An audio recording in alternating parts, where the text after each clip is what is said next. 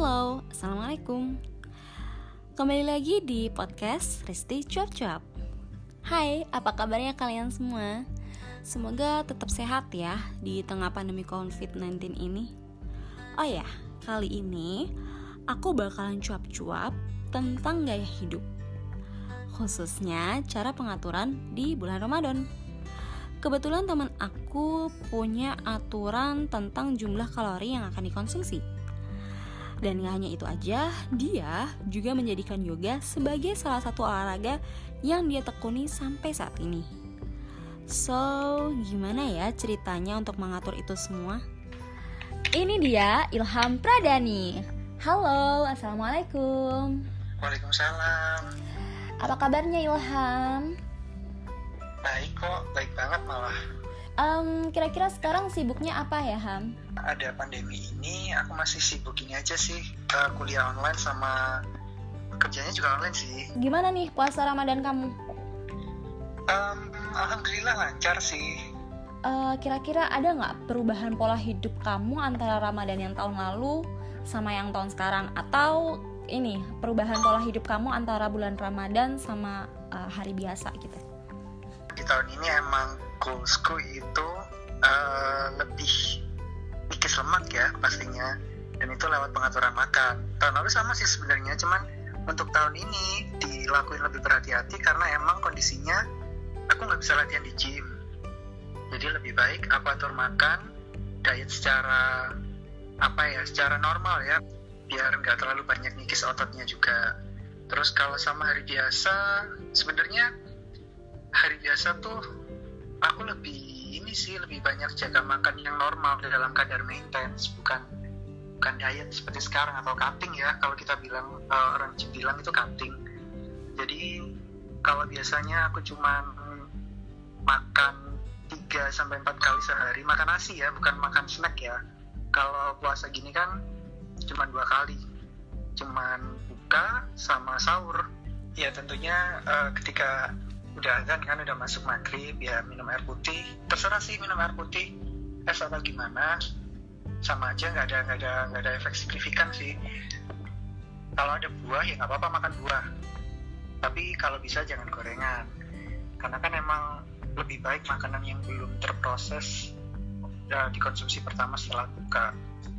Sebenarnya memang aku bukan yang terlalu ngikutin ting sih. Kalau aku bilang kalau kata dokter Niko Suhendra jangan terlalu terpaku kamu harus makan clean eating. Itu malah bisa jadi eating disorder. Jadi lebih ke flexible diet. Makannya lebih dijaga disesuaikan porsinya diseimbangkan porsinya. Toh uh, porsi makan seimbang itu kan juga sesuai sama pedoman gizi seimbang dari Kemenkes RI setangkup nasi terus lauknya semana? Setelah pak tangan dan sayurnya satu kepal minyaknya satu ruas jari. Itu kan panduan yang paling simpel lah kalau memang kita ingin memulai diet. Jadi kalau memang males nimbang ikutin aja panduan gizi seimbang. Caranya kayak gitu. Jadi lebih terkontrol dan lebih sehat sih tentunya kalau ingin makan nasi putih dibuatin sayurnya aja biar dapat syaratnya dari situ dan kita bisa kenyang lebih lama. Dengan kondisi kenyangnya lebih lama kita bisa ngurangin porsi untuk ngemil. Apa sih yang jadi latar belakang kamu sampai akhirnya oke okay, aku harus mengubah pola hidup aku yang lama? Dulu tuh berat badan aku 94 kilo. Memang sih kata beberapa orang nggak terlalu kelihatan gemuk ya karena emang lumayan tinggi juga kan tinggi badanku ya lumayan gitu loh. Jadi nggak terlalu kelihatan kayak bola atau gimana yang dipikiran orang-orang itu enggak. Mungkin kalau kita nanggepinya positif kita mau berubah ya itu sebuah bulian itu bisa jadi titik awal perubahan kita. Dan itu dari dulu emang tiap aku dibully memang bisa kayak gitu sih. Memang kapasitas mental tiap orang beda. Cuman kalau kita perlahan-lahan lihat dari sudut pandang orang yang ngebully kita dengan bulian mereka dan kita bisa rubah itu jadi sudut pandang yang positif itu bisa jadi titik balik perubahan kita ke arah yang lebih baik sih. Jadi ya mau nggak mau memang penampilan harus diperbaiki. Tapi bukan berarti kamu harus perfect kamu harus six pack untuk laki kamu harus punya body goals untuk wanita bukan. Yang penting self acceptance kamu itu tinggi dan kamu bangga atas tubuh kamu dan kamu merasa baik-baik saja ya nggak apa-apa. Kalau dulu aku memang ngerasa nggak baik-baik aja. Dari situ aku berubah. Makan kalau udah bisa diatur udah seimbang baru kita melangkah ke olahraga. Hal pertama kalau memang mau membuat pola hidup jadi lebih baik adalah atur makannya dahulu. Terus ada di titik mana nih kira-kira? Pas kamu tahu bahwa pola hidup kamu yang tepat tuh kayak gini yang benar-benar serius itu satu tahun ke belakang 2019 sudah benar-benar serius. Tapi sejak 2018 itu sebenarnya juga udah diet cuman memang belum ngerti fundamental diet yang sebenarnya. Ternyata memang diet itu kalau memang diet untuk cutting atau menurunkan berat badan itu memang kan secara logis lah. Kalori masuk harus lebih kecil dari kalori yang dikeluarkan. Tapi nggak serta merta kita harus makan yang sangat-sangat sedikit ada hitungannya nah hitungannya ini namanya uh, kebutuhan kalori harian atau total daily energy expenditure. Itu kalau mau tahu hitungannya berapa buat kita nanti ada beberapa apps di website sih kayak tdikalkulator.net yang penting kita maintenance dulu karena memang selama ini kita kan nggak maintenance kalori kemungkinan. Kita udah makan tiga kali apalagi kebiasaan orang Indonesia nih kita udah makan tiga kali ternyata masih kita makan snack. Pentol kebab terus siomay. Itu yang bikin kita kadang-kadang overweight. Uh, cheating itu boleh karena itu bentuk self acceptance juga. Selama ini aplikasi yang aku pakai uh, namanya MyFitnessPal ada juga aplikasi bikinan Indonesia Fancy Secret Indonesia mau nggak mau kalau kita udah mulai serius ya kita beli timbangan kue yang digital dan kita hitung tiap makannya berapa Nah, memang untuk diet ini istiqomah untuk masak sendiri gitu. Jadi kita tahu uh, bahan yang kita gunakan apa aja, berapa gram. Jadi lebih mudah dalam mengontrol itu. Cheating itu emang aku lakuin seminggu sekali. Itu benar-benar aku bisa makan apa yang aku mau, tapi tetap berpegangan sama uh, batas kalori harian kita. Yang disarankan sama ahli bahkan sama dokter-dokter atau dietitian atau ahli gizi itu mengurangi jumlah kalori itu sebanyak uh, eh, 500 kalori. 500 sampai 750 500 kalori ini yang lebih bagus dan bisa di maintain tapi hasilnya memang harus sabar nggak ada yang instan. Misal pun ada yang menjanjikan sebulan bisa turun 20 kilo. Ya memang ada. Tapi lihat dulu apakah itu bisa jadi gaya hidup. Uh, aku bisa pastikan sih diet-diet yang gitu nggak bisa. Dan itu akan berujung pada efek yuyu di mana ketika kita udah dapet body goals kita satisfy terus kadang-kadang kita lupa kita bisa bebas makan apa aja dan itu malah berujung ke regain weight atau regain fat yang lebih cepat kalau kita benar-benar mau lose fat ya bukan cuma lose weight 2-3 minggu kita harus bisa ngilak uh, ngurangin kalori sebanyak 3.500 sampai 4.000 kalori. Sampai uh, target body goals-nya atau weight goals-nya udah nyampe. Jadi ada nyampe ini ada lebih kompleks lagi sebenarnya. Ada yang namanya reverse diet. Jadi nggak bisa kita asal langsung uh, makan sesuai kalori. Ada tekniknya sendiri. Sebenarnya diet itu soal pengaturan jam makan ya pengaturan porsi makan. Diet itu nggak bisa diartikan cuman turun berat badan. Orang ingin naik berat badan itu juga bisa dihitung diet namanya. Diet ini sebenarnya kan namanya kayak hidup kan.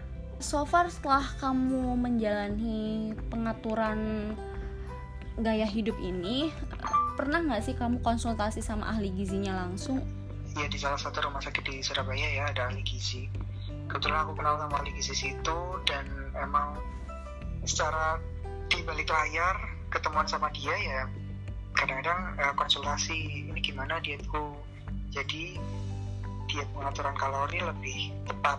Selain kamu emang jaga pola makan ada nggak sih olahraga yang kamu lakuin secara konsisten? Kan aku taunya kamu fokusnya sama yoga nah selain yoga apakah ada olahraga lainnya? Ada sih. Kebetulan karena uh, diet itu memang harus di kalau bisa ya dibersamai sama olahraga terutama olahraga yang melibatkan beban.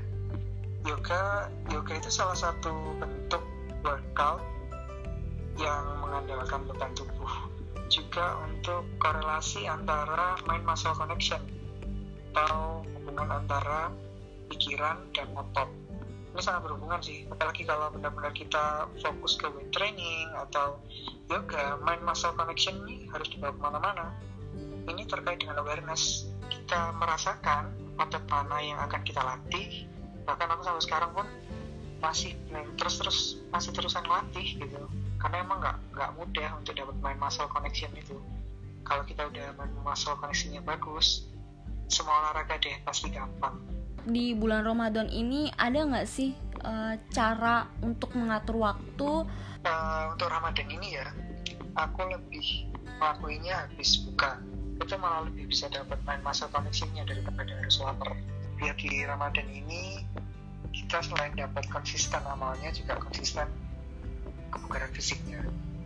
Kira-kira berapa lama kamu ngelakuin olahraga itu tadi? Aku kebetulan dua hari sekali. Satu sampai dua jam sih. Wow lama ya? Tapi kalau untuk hmm. kalau untuk pemula nggak perlu lama-lama. Kalau untuk pemula ikutin aja program-program di YouTube atau di aplikasi aplikasi pendukung workout. Kan ada yang cuma setengah jam. Kalau aku kan memang uh, fokusnya yoga. Jadi yoga itu nggak bisa asal gerak ya nggak bisa asal transisi ke pose satu ke pose lainnya. Jadi benar-benar ada preparation sebelum masuk ke pose itu. Ada following poses ada preparation poses yang nggak bisa kita lewatin gitu aja. Karena kalau kita lewatin uh, malah bukan bukan benefitnya yang kita dapat malah cederanya yang kita dapat. Karena yoga kan membutuhkan fleksibilitas mobilitas yang tinggi. Apa aja nih tips dari kamu untuk para pemula yang mau melakukan yoga di saat pandemi COVID-19 kayak gini? Yang pertama, ikutin aja program-program beginner yang pemula kalau memang pemula.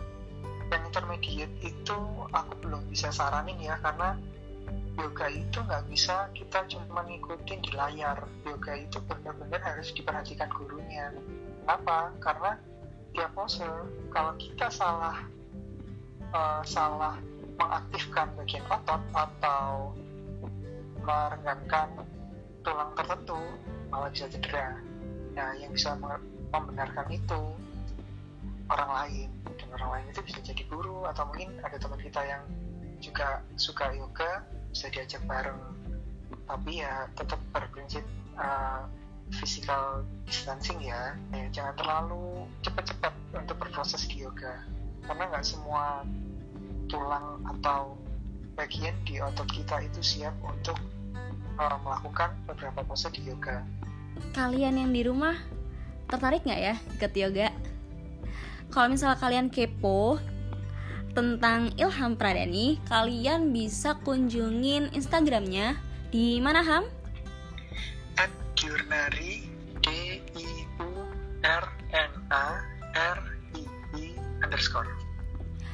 Nah, di situ kalian bisa tahu ada beberapa pose yang diposting sama Ilham terkait sama yoga ini.